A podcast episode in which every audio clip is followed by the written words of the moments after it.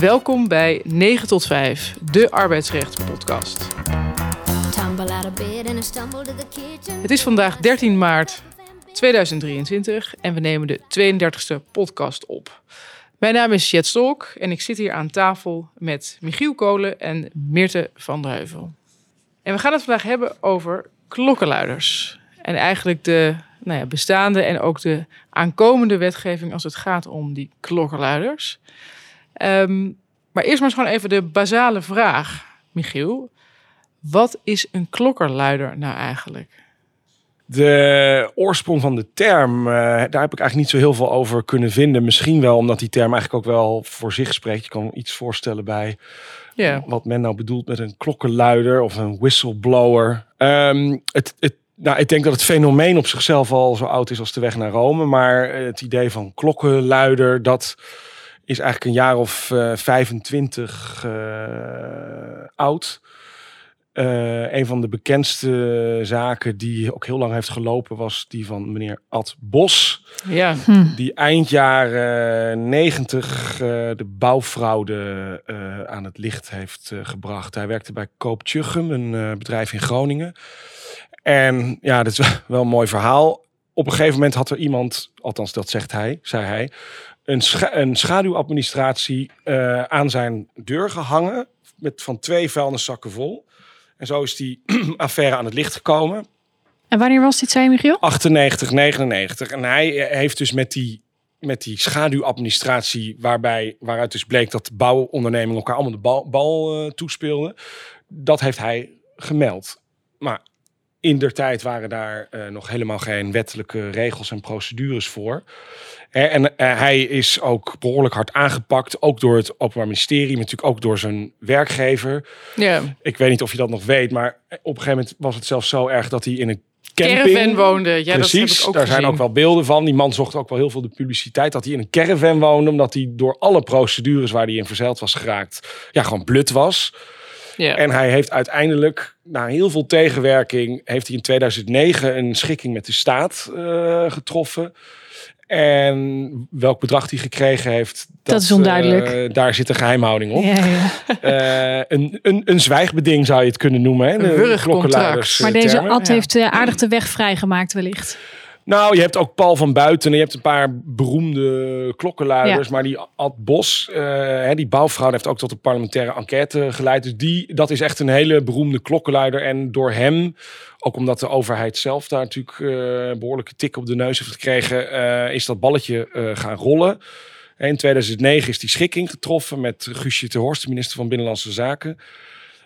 en in 2012 is er toen voor het eerst uh, en je merkt dat dat allemaal een beetje zo, uh, nou ja, misschien niet informeel, hè, maar dan wordt er een, uh, een adviespunt klokkenluiders wordt er dan opgericht waar mensen zich toe kunnen wenden als ze vinden dat er een sprake is van een misstand. Yeah. Nou, dat functioneert kennelijk wel aardig, maar niet voldoende, want dan komt er op 1 juli hè, heb je de, de wet huis klokkenluiders, huis voor klokkenluiders. En die richt dan het Huis voor de Klokkenluiders op. Dat is een zelfstandig bestuursorgaan uh, met dus ook bevoegdheden. Uh, uh, en dat functioneert dus sinds 1 juli 2016. En daar kunnen mensen een officiële melding maken van een maatschappelijke misstand. Hè? Dus je bent een klokkenluider. als jij een maatschappelijke misstand ja, eigenlijk aan de kaak stelt. En Uh, maar daar komen we zo nog over te spreken. Vroeger moest je eerst daar interne melding maken bij je, laten we maar even werkgever, werknemer houden voor nu. Dus bij je werkgever, de werkgever moest daar een procedure voor hebben. En als je dan die interne melding had gemaakt en dat leverde niks op, dan kon je dus wenden tot het Huis voor de Klokkenluiders. Die kunnen een advies uitbrengen. En tegelijkertijd, voor dat Huis van de Klokkenluiders, hebben ze ook in de wet, in het BW, is er een benadelingsverbod uh, opgenomen. Dus hè, als jij een terechte melding doet, dat is ook even voor juristen interessant, een terechte melding doet, dan kan jouw werkgever je niet benadelen. Dus niet ontslaan, maar ook geen demotie geven. In de ruimste zin van het woord, niet benadelen. Ja, dus niet alleen niet ontslaan. Het is, het is breder dan een ontslagverbod. Ja, benadelen. Ja, niet benadelen is ook geen demotie. Je zou zelfs kunnen zeggen, niet uh, van een hele mooie werkkamer naar uh, de kantoortuin. Ja. Je mag niet benadeeld worden omdat jij die melding hebt gemaakt. En um, nou, sinds een paar weken uh, is natuurlijk ook nieuwe wetgeving Ja. ingetreden. Waarbij ook de, dat Huis voor de Klokkenluiders meer bevoegdheden heeft gekregen. Ja, en die, die richtlijn, hè, want misschien is dat een mooi bruggetje naar waar we nu staan met elkaar. Uiteindelijk is er een richtlijn vanuit de EU, de klokkenluidersregeling, Ja. die we hebben moeten implementeren. Ja. Van, van wanneer was die? Om even de volgorde van de geschiedenisles van Michiel te kunnen volgen. Uit mijn Oeh, hoofd, maar ik kijk even de 19 tafel rond. of zo? 2019, ja. Een paar jaar geleden. Dus het kost natuurlijk altijd even tijd om die te implementeren. En de Nederlandse eh, regering heeft ervoor gekozen om die te implementeren in de eh, toen nog wet Huis voor Klokkenluiders. Die nu dus wet Bescherming. Klokkenluiders Ja. heet. Exact. Eh, dus niet in een soort aparte wet. En dus die, nou wat ik al zei, die wet is ook uitgebreid, omdat je nu dus een schending van het Unierecht eh, eh, kan je ook mee, eh, kan je ook een melding van maken. Ja, misschien is het goed om dat nog even vast eh, te stellen. Want dat vind ik zelf ook in de praktijk altijd heel erg lastig. Ik denk dat iedereen dat een heel lastig punt heeft. Was wat, mijn vraag aan jou was, Michiel, wanneer ben je nou een klokkenluider? Nou, dan voorheen was het dus kennelijk zo maatschappelijke misstand. Er zit iets meer tekst in, maar dat is even de samenvatting. En Meerte, wat kan je dan nu nog extra doen? Of wat, wat kan er aan de hand zijn waardoor je nog, nu nog ook extra grond hebt om te melden? Nou, in die vervanging van de wet Huis voor Klokkenluiders naar de wet Bescherming Klokkenluiders. Hè, die is dus per eh, 18 februari eh jongsleden is die eh, in werking getreden. Wat betekent dat we tegen eind van het jaar, in ieder geval voor de werkgevers die ehm 50 werknemers hebben. Ja, of eh, meer. Ja. Precies of meer, tot 250, eh, zul je nu aan de bak moeten. Hè? Zul je je beleid moeten gaan optuigen. Maar hè, 50 werknemers, ook dat begrip wordt nu in deze wetgeving eh, eh, geladen. In zoverre dat je hier een ondergeschiktheidseis en een vergoedingseis moet hebben. Waardoor om te tellen of dat je aan deze voorwaarden moet voldoen, moet je dus al gaan splitsen. Zijn het werknemers, zijn het zelfstandigen, zijn het vrijwilligers of zijn het stagiaires? Om zo, dat is denk ik de eerste stap om te weten, moet ik aan deze wetgeving nu eh, voldoen en moet ik dat beleid gaan optuigen? Eh, om antwoord te geven op jouw vraag, wat, wat wordt er dan nu eigenlijk aangepast? Ja. Onder andere bijvoorbeeld het bereik van de beschermde wordt uitgebreid. Eh, hè, dus de melders eh, wordt, wordt uitgebreid naar niet alleen werknemers, maar ook zelfstandigen, vrijwilligers, stagiaires, zelfs sollicitanten, aannemers, leveranciers. Eigenlijk Iedereen, kan van alles over iets heeft. vinden. Ja. Ehm, maar ook degene die melders bijstaan, interne onderzoekers of betrokken derden. Nou, dat is denk ik wel eh, een aardige uitbreiding van de cirkel van melders. ja. Ja, dus als je eigenlijk als je ergens rondloopt, of je nou eh, eh, de aannemer die hier in het kantoor rondloopt en een klus doet en dus eh, vindt dat hij een misstand ziet, die kan al melden. Waar voorheen, eh, tot een paar weken geleden, eh, eigenlijk alleen hè, in de werknemer-werkgeverrelatie eh, die meldplicht er was. Nou, Want is het eigenlijk een meldplicht of een meldrecht? Ja, het is een, dat is een go- een goed punt. Het is een meldrecht. Je bent natuurlijk niet verplicht om het te melden. Nee. Ehm, en ja, je, je moet ook een soort van wel gemotiveerd zijn om dat te doen. Want je doet er denk ik wel verstandig aan als jij die melding doet. Om vooraf goed te realiseren waar je aan begint. Precies. Want je kan, voor je het weet, word je een soort moeras ingezogen. Als jij, eh, je moet daar niet te lichtvaardig in staan, eh, denk ik. Ik denk dat het werkt twee kanten op ook. Ja. Hè? Ik denk ook voor werkgevers, in welk moeras word ik getrokken als ik inderdaad een melding krijg, wat misschien niet wordt gedaan op de juiste plek. Of niet op de plek waar ik zou willen dat die meldingen Land. Eh, ja. ja. precies, dat die meldingen samenkomen. Ehm, en Michiel zei het net al even in de intro. Voorheen was het zo dat je als stap 1 als melder moest je intern melden. Dat gaat ook veranderen, of dat is nu veranderd. Je mag ook direct extern melden. Wel is daarbij de gedachte dat intern melden heeft wel ook de voorkeur. Maar je zou kunnen zeggen, ik ga gelijk naar een externe eh, eh, plek waar ik mijn misstand meld. Ja, Eh, dat is dus niet het wet, eh, dat niet huis van de klokkenluiders, even voor de goede orde. Dat is Ja, de bevoegde autoriteit waar die misstand ja, thuis hoort eigenlijk. Ja, dus bijvoorbeeld bij de Voedsel- en Warenautoriteit. Bijvoorbeeld. Als het in de voedingsindustrie of is. de wet, of de financiële, wat is het, de financiële toezichtautoriteit. Nou, je hebt natuurlijk een keur Ja, aan DNB of autoriteiten AFM, ja, precies. waar je die misstand dan kan melden. Betekent niet dat je niet ook naar het Huis voor de Klokkenluiders kunt gaan. Ja, die kunnen je adviseren. Precies, Ja. maar dat gaat dan voornamelijk over de advisering. eh, en zij leggen mogelijk ook contact met hè, de, de werkgever of de partij in kwestie om een gesprek aan te gaan. Daarin ondersteunen zij wel. Ja. Maar goed, ik heb zo'n onderzoek eh, eh, ook, is ook allemaal op de website eh, te vinden. Ja, het, het is een beetje een pagina of 30, 40, 50. En dan doen ze zo'n onderzoek. Alleen, ja, nu hebben ze nog weinig echte eh, eh, geslepen tanden om eh, een boete op te leggen of een last onder dwangsom. Hè? Dus het, tot nu toe is het gebleven bij, ja, wij adviseren om te reflecteren daar en daarop. Ja, daar worden natuurlijk sommige bedrijven niet echt bang van. Niet echt Ja, of koud van. Maar je had wel iets belangrijks aan Michiel. Hè. Ze hebben nu nog geen, ja, geen wapens om, om die in te zetten. Bijvoorbeeld een, eh, een, een dwangsom op te leggen. Dat gaat ook veranderen. Hè, dat maakt nog geen onderdeel uit van, van het huidige pakket. Maar ze zijn er wel eh, druk mee bezig om te zorgen dat het Huis voor de Klokkenluiders uiteindelijk ook passende sancties kan opleggen eh, aan, de, ja, aan de partij waar de misstand dus over is gemeld. Ja, want ik, ik denk eerlijk gezegd dat, dat dat iets is waar in de praktijk veel mee wordt gestruggeld. Meerte, je hebt vast wel eens een werkgever eh, gehad die je bijstond, die dan zei: Help, ik krijg een melding. Nou, voordat we misschien aan de jurisprudentie gaan beginnen, ik heb wel nog een paar punten over de inhoudelijke regeling die ik wel nog de moeite waard vind. Sorry, ja. Bijvoorbeeld hè, dat de interne meldprocedure die je dan als werkgever mogelijk moet hebben, eh, dat die aan strengere eisen moet voldoen. En denk dan bijvoorbeeld aan het feit dat een melder zowel mondeling als schriftelijk kan gaan melden. Nou, dat lijkt mij wel wat uitdagingen brengen voor de praktijk. Er is ook een registratieplicht. Ja, maar dit is bijvoorbeeld, er komt een mondelinge melding. Die moet jij als werkgever dan zelf op papier gaan zetten en er vervolgens mee aan de slag. Dus dat, maar dat kan Dat ook een praatje bij de geval- koffieapparaat zijn. Bij het koffieapparaat zijn. Nou ja, dat zul je denk ik in jouw, eh, eh, in jouw regeling zul je dat handen en voeten moeten gaan geven. Wat Ja. je vervolgens gaat doen Ja, met zo'n praktisch. ja heel praktisch inderdaad. Er komt er ook een voorbeeldreglement, net zoals we dat bij de SER kennen voor dat een OR. lijkt mij wel. Ik heb er nog niets actief op gezocht of gevonden. Eh, maar het lijkt me wel dat hier voorbeelden van komen. En anders moeten wij die wellicht opstellen. Zeker, mooie Ja. klus. Nou, ik vind het een Ehm, leuke taak voor het huis van de klokkenluiders. Eh, er ontvangstbevestiging van de melder binnen zeven dagen. En er moet feedback komen binnen drie maanden. Dus er zitten ook wel wat termijnen in die eh, ja, nu strakker geregeld moeten worden in jouw eh, interne eh, meldprocedure. De werkgever die denkt, ik ga met mijn melders of met werknemers een zwijgbeding afspreken. Ook daarvan wordt gezegd, hè, dat is nietig, dat houdt allemaal geen stand, dat mag niet.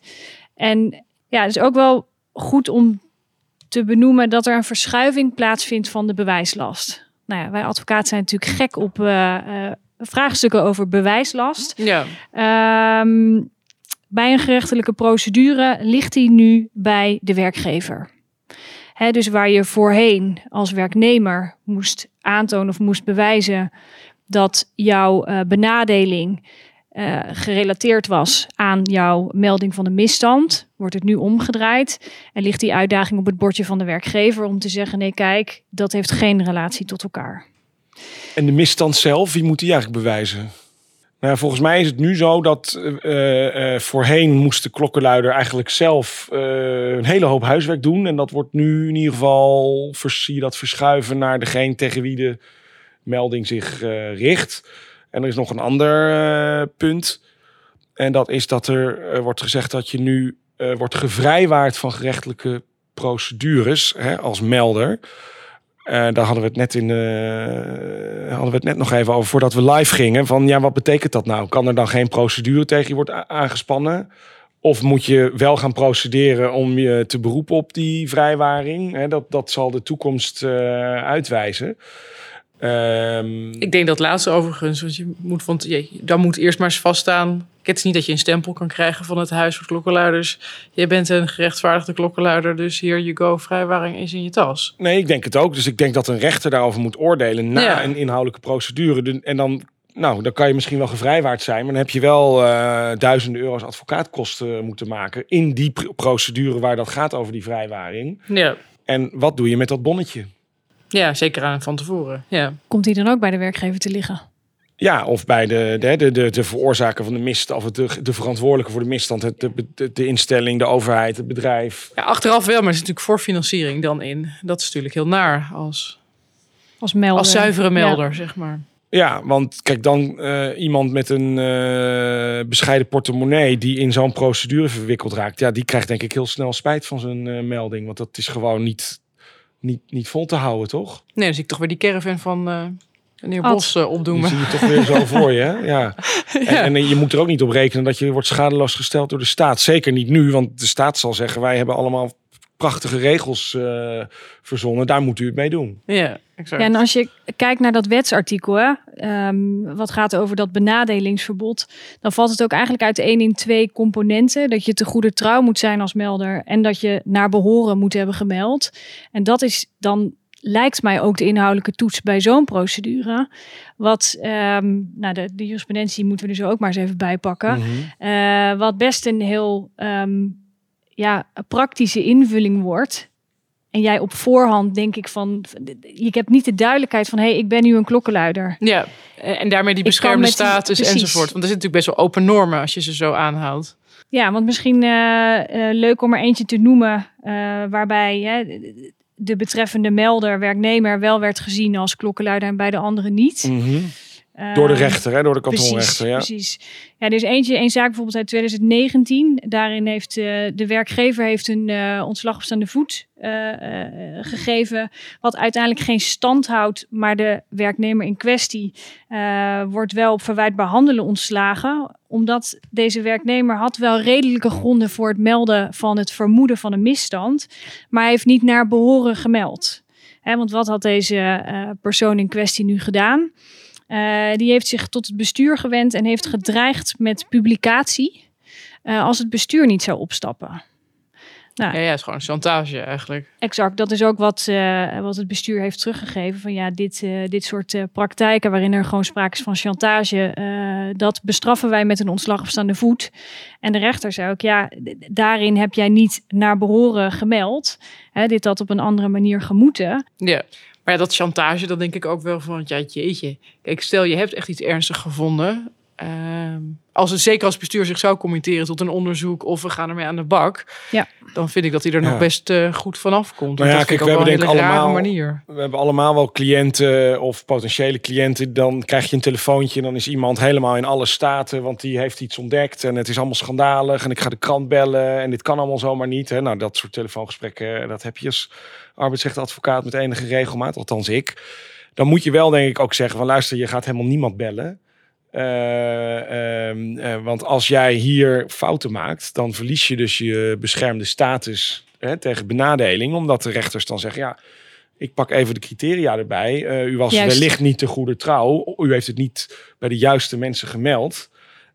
Dus ja, u mag gewoon ontslagen worden, misstand of niet. Hè, dat, die, de, die paar uitspraken die wij hebben onderzocht laten een wisselend beeld zien hoe rechters met die, eh, met die eh, bes- benadelingsbescherming omgaan. Maar zou dat nu gaan veranderen door deze nieuwe wetgeving? Denk je dat dan een rechter voorzichtiger is om te zeggen... ehm, je Nou, bent... De, de trend is dat klokkenluiders beter beschermd worden. Dus ik Ja. denk dat rechters wel meegaan in die trend. Ja, maar ze zullen wel kritisch blijven. Dat je niet zomaar, ja, wat ik net zei, de krant mag bellen om daar leeg te lopen. Dat, dat mag nog steeds niet. eh, nee, dat lijkt mij ook van de niet. nieuwe wet. Nee. Precies, dus die, die, eh, die, die trap, dus de goede trouw en dat je naar behoren hebt gemeld, dat zal wel blijven bestaan. En zal ook onderdeel uit blijven maken van de toetsing, verwacht ik. Ja. Dus wat je zo iemand die belt in alle staten moet adviseren is... eh, ga Toch even rustig- eh, rustig, heel rustig rust. die website van het Huis van de Klokkenluiders bekijken. Wat je allemaal moet doen. Dan kan je als advocaat natuurlijk bij helpen. Want ik denk dat als je dat advies inwint... dan sta je natuurlijk heel erg sterk. Als het, het huis zou zeggen, je hebt een punt. Ja. makkelijk gezegd. Ja. Hè, Kijk, het huis doet niet aan belangenbehartiging. Hè? Dat is ook nog even. Ze, dus ze gaan niet Nee. jou helpen. Daar heb je nog steeds een eh, Advocaat advocaat, eh, juridisch, voor nodig. Ja. whatever bijstandverlener voor nodig. Het huis wou ook graag dat er een fonds zou komen waarbij die mensen daaruit betaald krijgen. Dat, dat heeft het eh, eh, niet gered in het wetgevingstraject. Dus je moet nog steeds, als jij jezelf klokkenluider vindt, do- doe je dus verstandig aan om bijstand in te schakelen. Zeker als het ja, een misstand is van enige proportie. Hè, waarvan je ook weet dat het betreffende bedrijf eh, zich niet makkelijk gewonnen gaat geven. Om te zorgen dat je al die stappen netjes doorloopt. Om te voorkomen dat je niet door een eh, onbewuste misslag eh, je eigen glazen ingooit. Precies, precies. Maar als je dat goed doet, dan heb je met die nieuwe wet ben je echt wel behoorlijk goed beschermd. Dat denk ik ook, ja.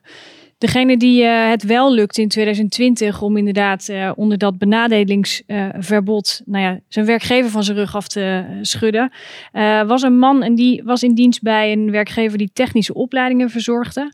Hij was daar eh statutair bestuurder sinds januari 2018. En ehm, de beste man heeft vervolgens zorgen geuit over tegenstrijdige belangen. Dit naar aanleiding van eh, plannen hè, die, die werden gemaakt. En hij heeft zich daarna ziek gemeld. En tegenstrijdig belang met wie? Met de aandeelhouder dus? Of met... In, in, de, in de toekomstige plannen eh, heeft hij geuit dat er mogelijke tegenstrijdige belangen zaten in de hele constructie die zou In de worden governance, opgetuigd- zeg maar. Ja. opgetuigd. Ja. Ja. Eh, dat heeft hij gemeld. En vervolgens heeft de werkgever dus een ontbindingsverzoek inge- ingediend voor een verstoorde arbeidsrelatie. Nou, ehm, eh, hij verweert zich daartegen en hij zegt ja, verstoorde arbeidsrelatie, hoe kan dat eigenlijk? Want de volledige eh, eh, RVT is inmiddels eh, gewisseld. Hè? Dus die, die mensen met wie dan die vermeende verstoorde arbeidsrelatie zou zijn ontstaan, die zitten helemaal niet meer op die plek. Ehm, en hier wordt dus gezegd van ja, die vermeende verstoorde arbeidsrelatie heeft werkgever gekoppeld aan het doen van de melding. Dus jullie hebben het verband al gelegd. En die wisseling intern heeft ervoor gezorgd dat er al geen verstoring meer was.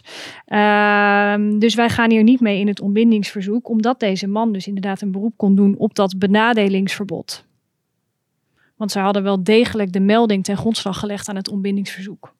Ja, gewoon niet zo slim van deze werkgever, wees het kennelijk. verzoek af. Hè? Die zei ja, je ja, kon ja. hier niet Die ging toe. niet in mee. Ja. Ja. Dus blijf in dienst, ja. Dat, dat, komt, dat brengt me denk ik bij de eerdere vraag, Meerte, die ik eh, ook aan jou stelde. Van, het gebeurt denk ik iedere werkgever wel eens dat er een, een dingetje is. Of dat nou ruzie is tussen mensen of oneenigheid. Maar misschien ook in de, wat ik even noem, harassment sfeer of eh, discriminatiesfeer. Ehm, dat er dan opeens het woord klokkenluider in die context ook valt. Eh, sterker nog, dat mensen ook wel eens dingen op papier dan zetten. Ehm, ja, ik, ik beschouw dat meer als een klacht ehm, in de, wat ik even noem, relationele sfeer tussen werkgever en werknemer. En niet zozeer als een klokkenluider. ja. Hoe ga, hoe ga jij daarmee om in de praktijk? Wat, wat doe je dan? Nou, de splitsing moet je aanbrengen. Is het een persoonlijke aangelegenheid of een eh, persoonlijke klacht versus een misstand die ziet op de eh, twee categorieën die Michiel aan het begin duidde. Hè?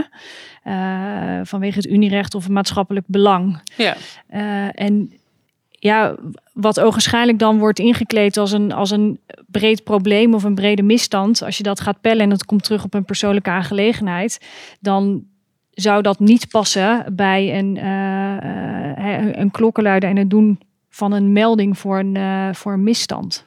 En dat is overigens wel interessant, hè, want je hebt dus, een schending van het unierecht. Daar hoef je niet per se maatschappelijk belang aan te tonen. Maar een schending of een gevaar van schending van het unierecht, nou dat is natuurlijk een extreem breed begrip. En dat is dus nieuw. En het andere is dus die misstand. Maar dat moet wel inderdaad een misstand zijn met een maatschappelijk belang. Alleen ja, maar Daar- wat is dat dan? Hè? precies, Want daar kijk, kan je als, natuurlijk eindeloos over discussiëren. Maar dat het niet persoonlijk is, dat, dat is wel Nee. duidelijk. Ja, maar als het eh, voor- ja. grensoverschrijdend gedrag. Nou, trouwens, als ik daar nu over nadenk, daar zou je ook nog wel maatschappelijk belang van kunnen maken. Maar bijvoorbeeld als je ziet dat er met subsidiegelden geknoeid wordt, of er eh, eh, eh, worden patiënten eh, met, met patiëntveiligheid wordt er niet goed omgegaan. Hè, dat, dit is een concreet voorbeeld van een zaak die het huis heeft eh, behandeld. Het huis vindt iets als vrij snel maatschappelijk belang. Logisch ook, want dat creëert natuurlijk voor hen ook eh, Ja. ruimte om er iets van te vinden. Maar als jij een werkgever bijstaat en je vindt dat, dat, dat er geen sprake is van een klokkenluider, maar gewoon iemand met een een persoonlijke reguliere klacht. Ja. dan kan je in ieder geval proberen om te zeggen van ja, wij vinden dat hier geen maatschappelijk belang in het geding is. En dan blijf je dus ook weg van klokkenluiderstatus, bena- verbod tegen benadeling, et cetera. En is het een gewoon arbeidsconflict. Precies. Ja, maar kijk, wat je dus als werkgever zou moeten doen, Meerte en Michiel, ik hoor dat jou dat ook wel een beetje zeggen, is dat eigenlijk begint het bij het afpellen van de melding CQ de klacht. Uh, en dus wel met, als dat kan, als niet anoniem met diegene in gesprek gaan en kijken echt wat is nou de grondslag van datgene wat je naar voren brengt. Ja, en, ik en vind dat proberen Hoe meer je dat scherp naar te voren haalt, denk ik ook in je interne procedure, hoe eerder je dat kunt tackelen. En ik vind toch ook wel, dat mag je misschien niet hardop zeggen, of tenminste de, niet hardop zeggen, maar kijk, als je iemand een derde waarschuwing geeft voor te laat komen of een of andere eh, ander terecht verwijt, en er komt meteen daarna een melding, vind ik dat wel Opvallend. eh, een kritischer blik waard dan dat je employee of the month bent en zo'n melding doet.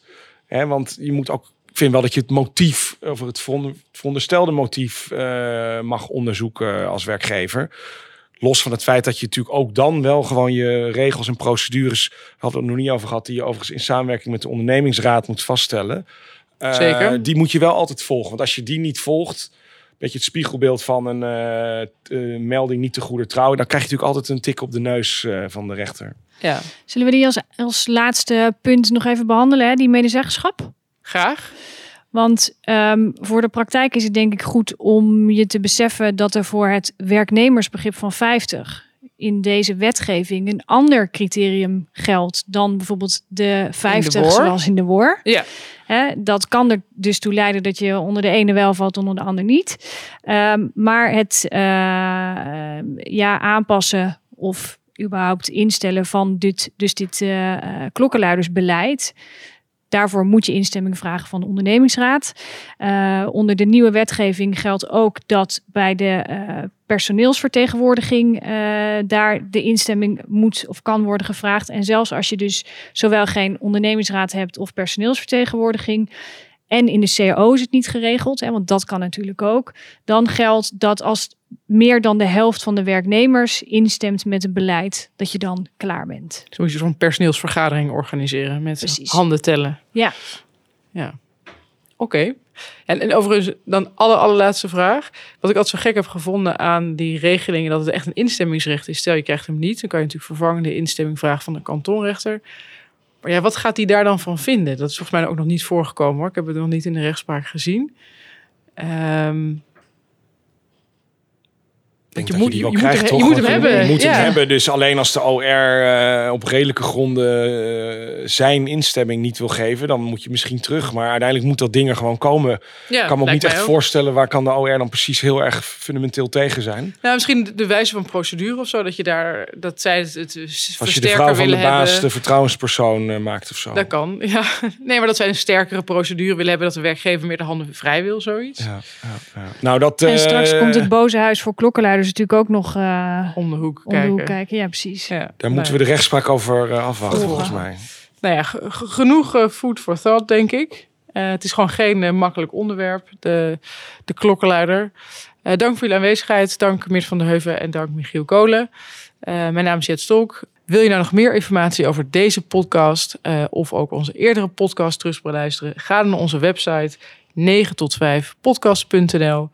En daar vind je dus ook wat leuke bronnen over deze podcast, dat je nog verder kunt verdiepen in het prachtige onderwerp dat de klokkenluider heet. Dank voor het luisteren en tot de volgende keer.